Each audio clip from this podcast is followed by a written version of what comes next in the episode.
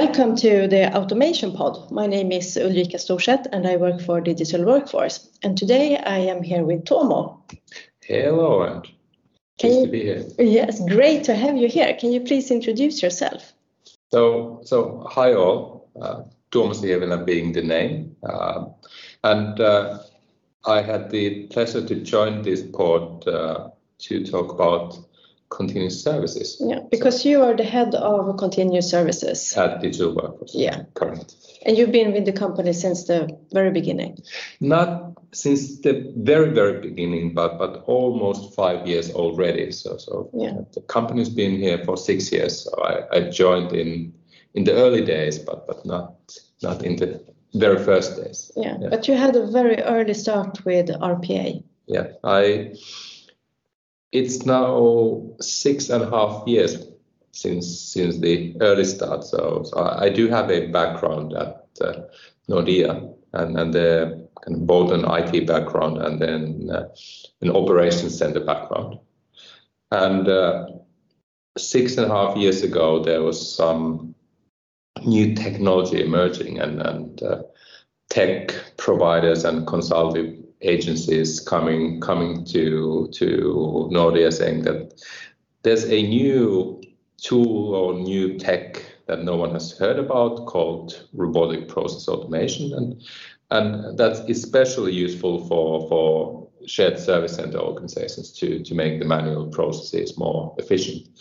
And uh, as uh, I have a background both in IT and and also in in being responsible for operations unit. So so I was set to take a closer look, look towards those uh, technologies, and it was yeah summer early summer 2015 when when the first exploration project was was kicked off, and that was the the start of the Nordea yeah. RPA journey. And banking is such a perfect case for RPA since everything is structured, everything is digitalized, everything is very rule based. Yes. So it's really the three things that we are looking for at customer sides. But then you uh, came over to Digital Workforce. Yes, I, I, I had the pleasure to to see the, the early days of uh, scaling the RPA initiative at, at Nordea and, and then working together with uh, uh, all the Nordic countries and, getting the, RPA topic into into move.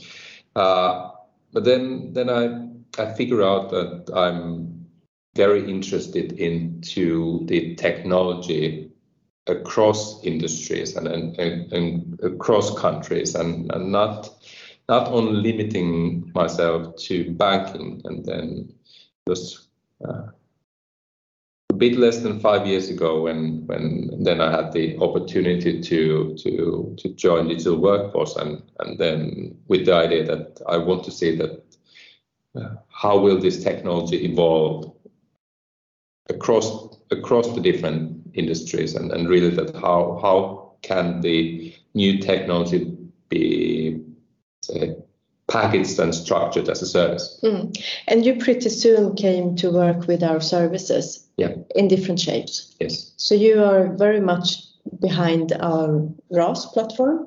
Yes.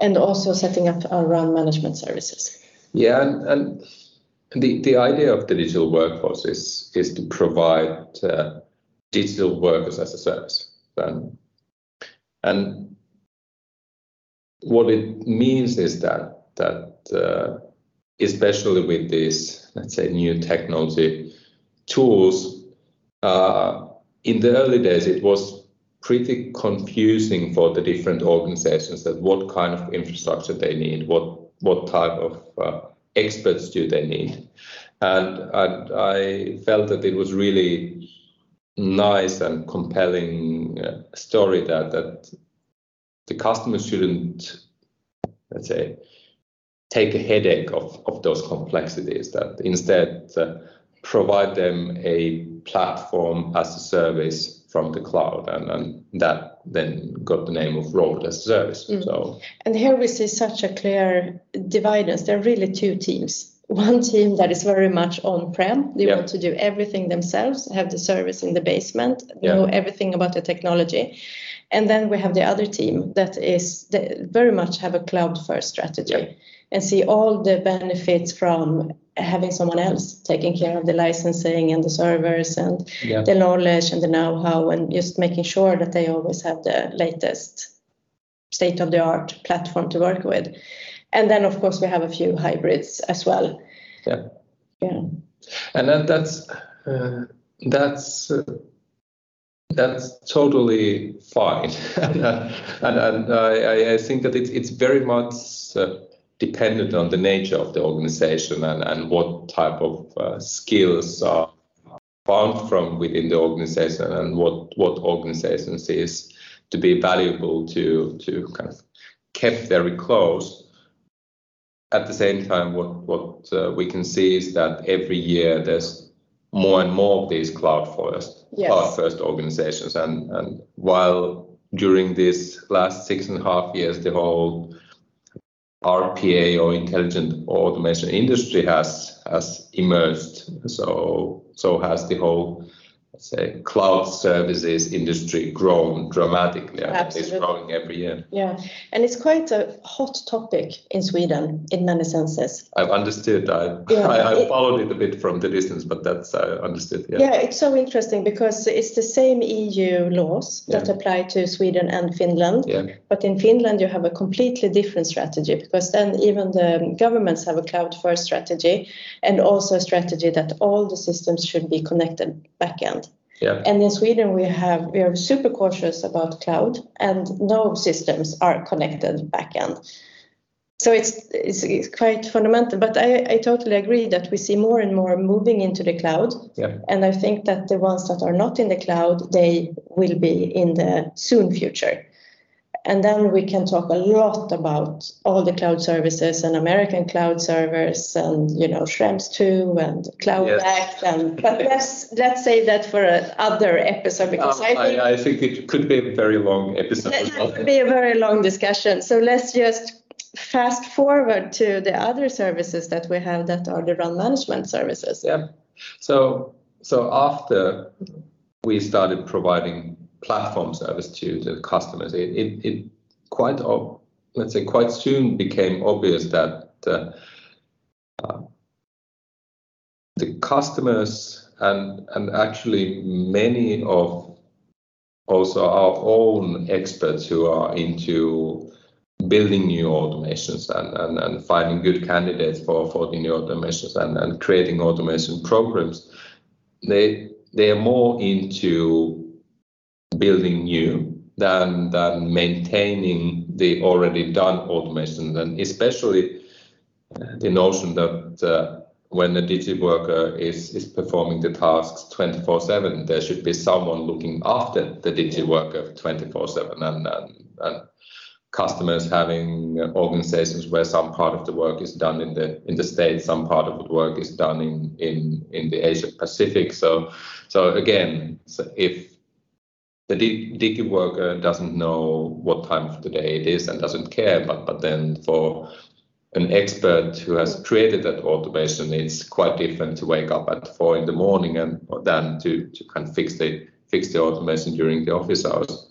And and that was the reason that that really to to secure that that both our customers developers but our own developers as well are able to focus into developing new but also provide this type of uh, continuity and, and security that that uh, it doesn't matter what time of the day it is and that was those were the two reasons uh, why this uh, the maintenance service and the enhancement service, which we call run management, was established. But I think it's also not only for this, because what you're referring to is, of course, super big companies with Yeah. very big teams working around the globe. Yeah. Exactly. But I mean, even smaller companies are very beneficial for this.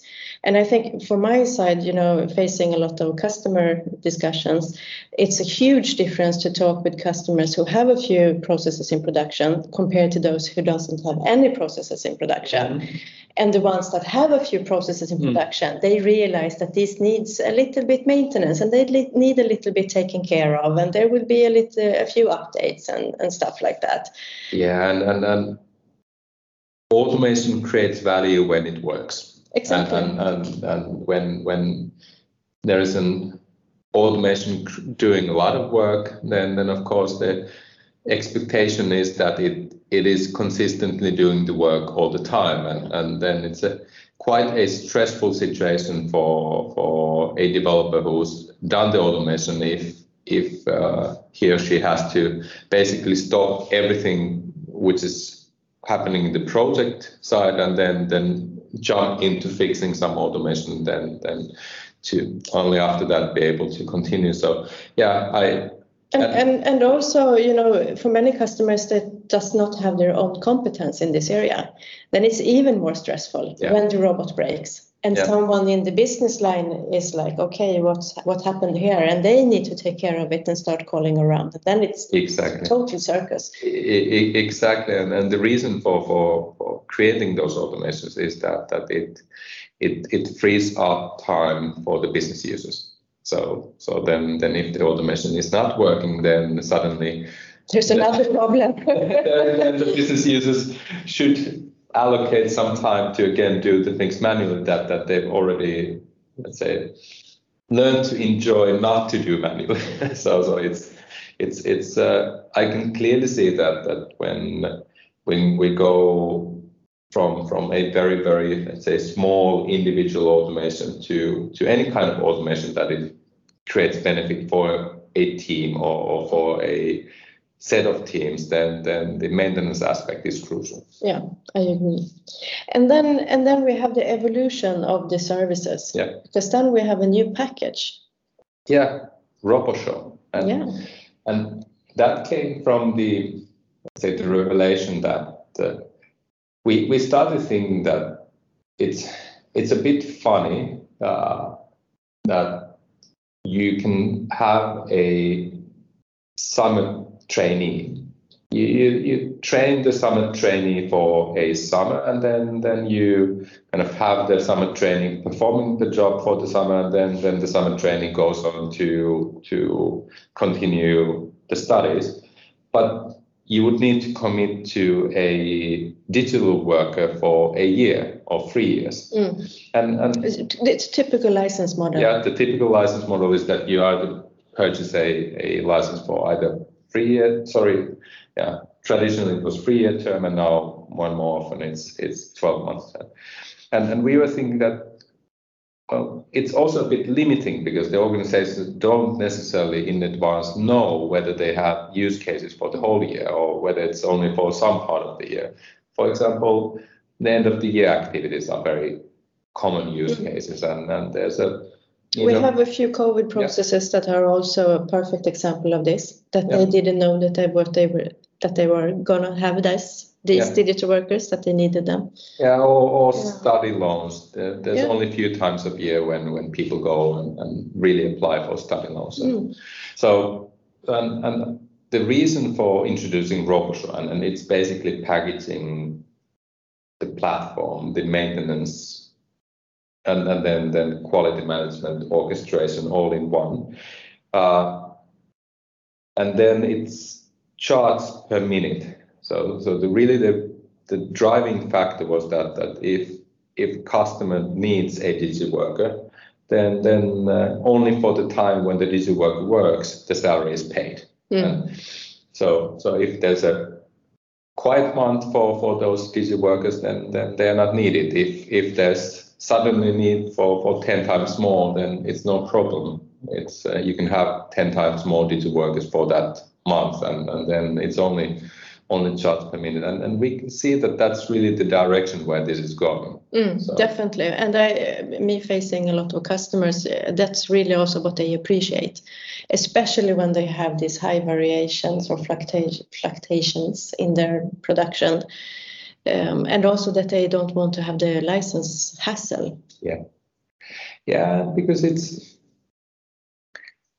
the promise of RPA and intelligent automation is that that it's more flexible than than your your Ordinary bus- staff. ordinary business workers, whether it's it's about the night shift. So whether it's about being able to easily train uh, 10 more digital workers or whether it's about uh, having possibility to uh, respond to a new business process coming in just in a few few months. So and then we really want to live up to that promise. So so mm. provide a service model which is flexible and, and which is there to go up when when there's high demand for for, for the extra hands and then go down when there's a slow period. Yeah, because there's really a pay per production, yeah. per production minute, which is nice. And then another thing that I really like is also that you step away from this sort of technology war. Yeah. Because that can be uh, tiresome. yeah, and, and I, I think that this is what we can see is that when this whole digital worker is considered as a as a temporary employee who can do the tasks which need to be done, then uh, then that also brings power to the organization to think that okay, what are really our core tasks? So so what what should what should a say a, a back back officer back office officer do as as as his or her core task? What what should a nurse do as the core task? What should a what a, should an accountant do as as the core task, or or the kind of the logistics uh, controller do as the core mm. task? And and these let's say temporary fluctuating tasks, reporting, compliance, uh, kind of uh, filling out different forms, just because it has to be done so those can be done more with the with the digital workers, and that's that's really what we want to do with these services. And and now what we are then introducing is the possibility to make the digital workers more capable. so, so what, the what, future what, of digital workers. The future of the digital workers, and and, and uh, it can be labeled as artificial intelligence. It can be labeled as, as intelligent document processing or, or uh, but, but I really like the algorithm when you talk about, continue to talk about the digital workers, but we're talking about that they are given enhanced yeah. capabilities. Like we give them eyes for OCR, yeah. we give them a brain with machine learning, yeah. we give them language, NLP, yeah. and stuff like that. So exactly. it's it's easy to relate to. Exactly, and then that's the that's the idea that these some attempts get more digital some attempts, so to say, get more capable mm. and, and they they get more skills, but still they are used when they are needed, and and if if they are not needed, then then they can rest. And no hard feelings on that as well. All right. Thank you so much. Thank you, Audrey.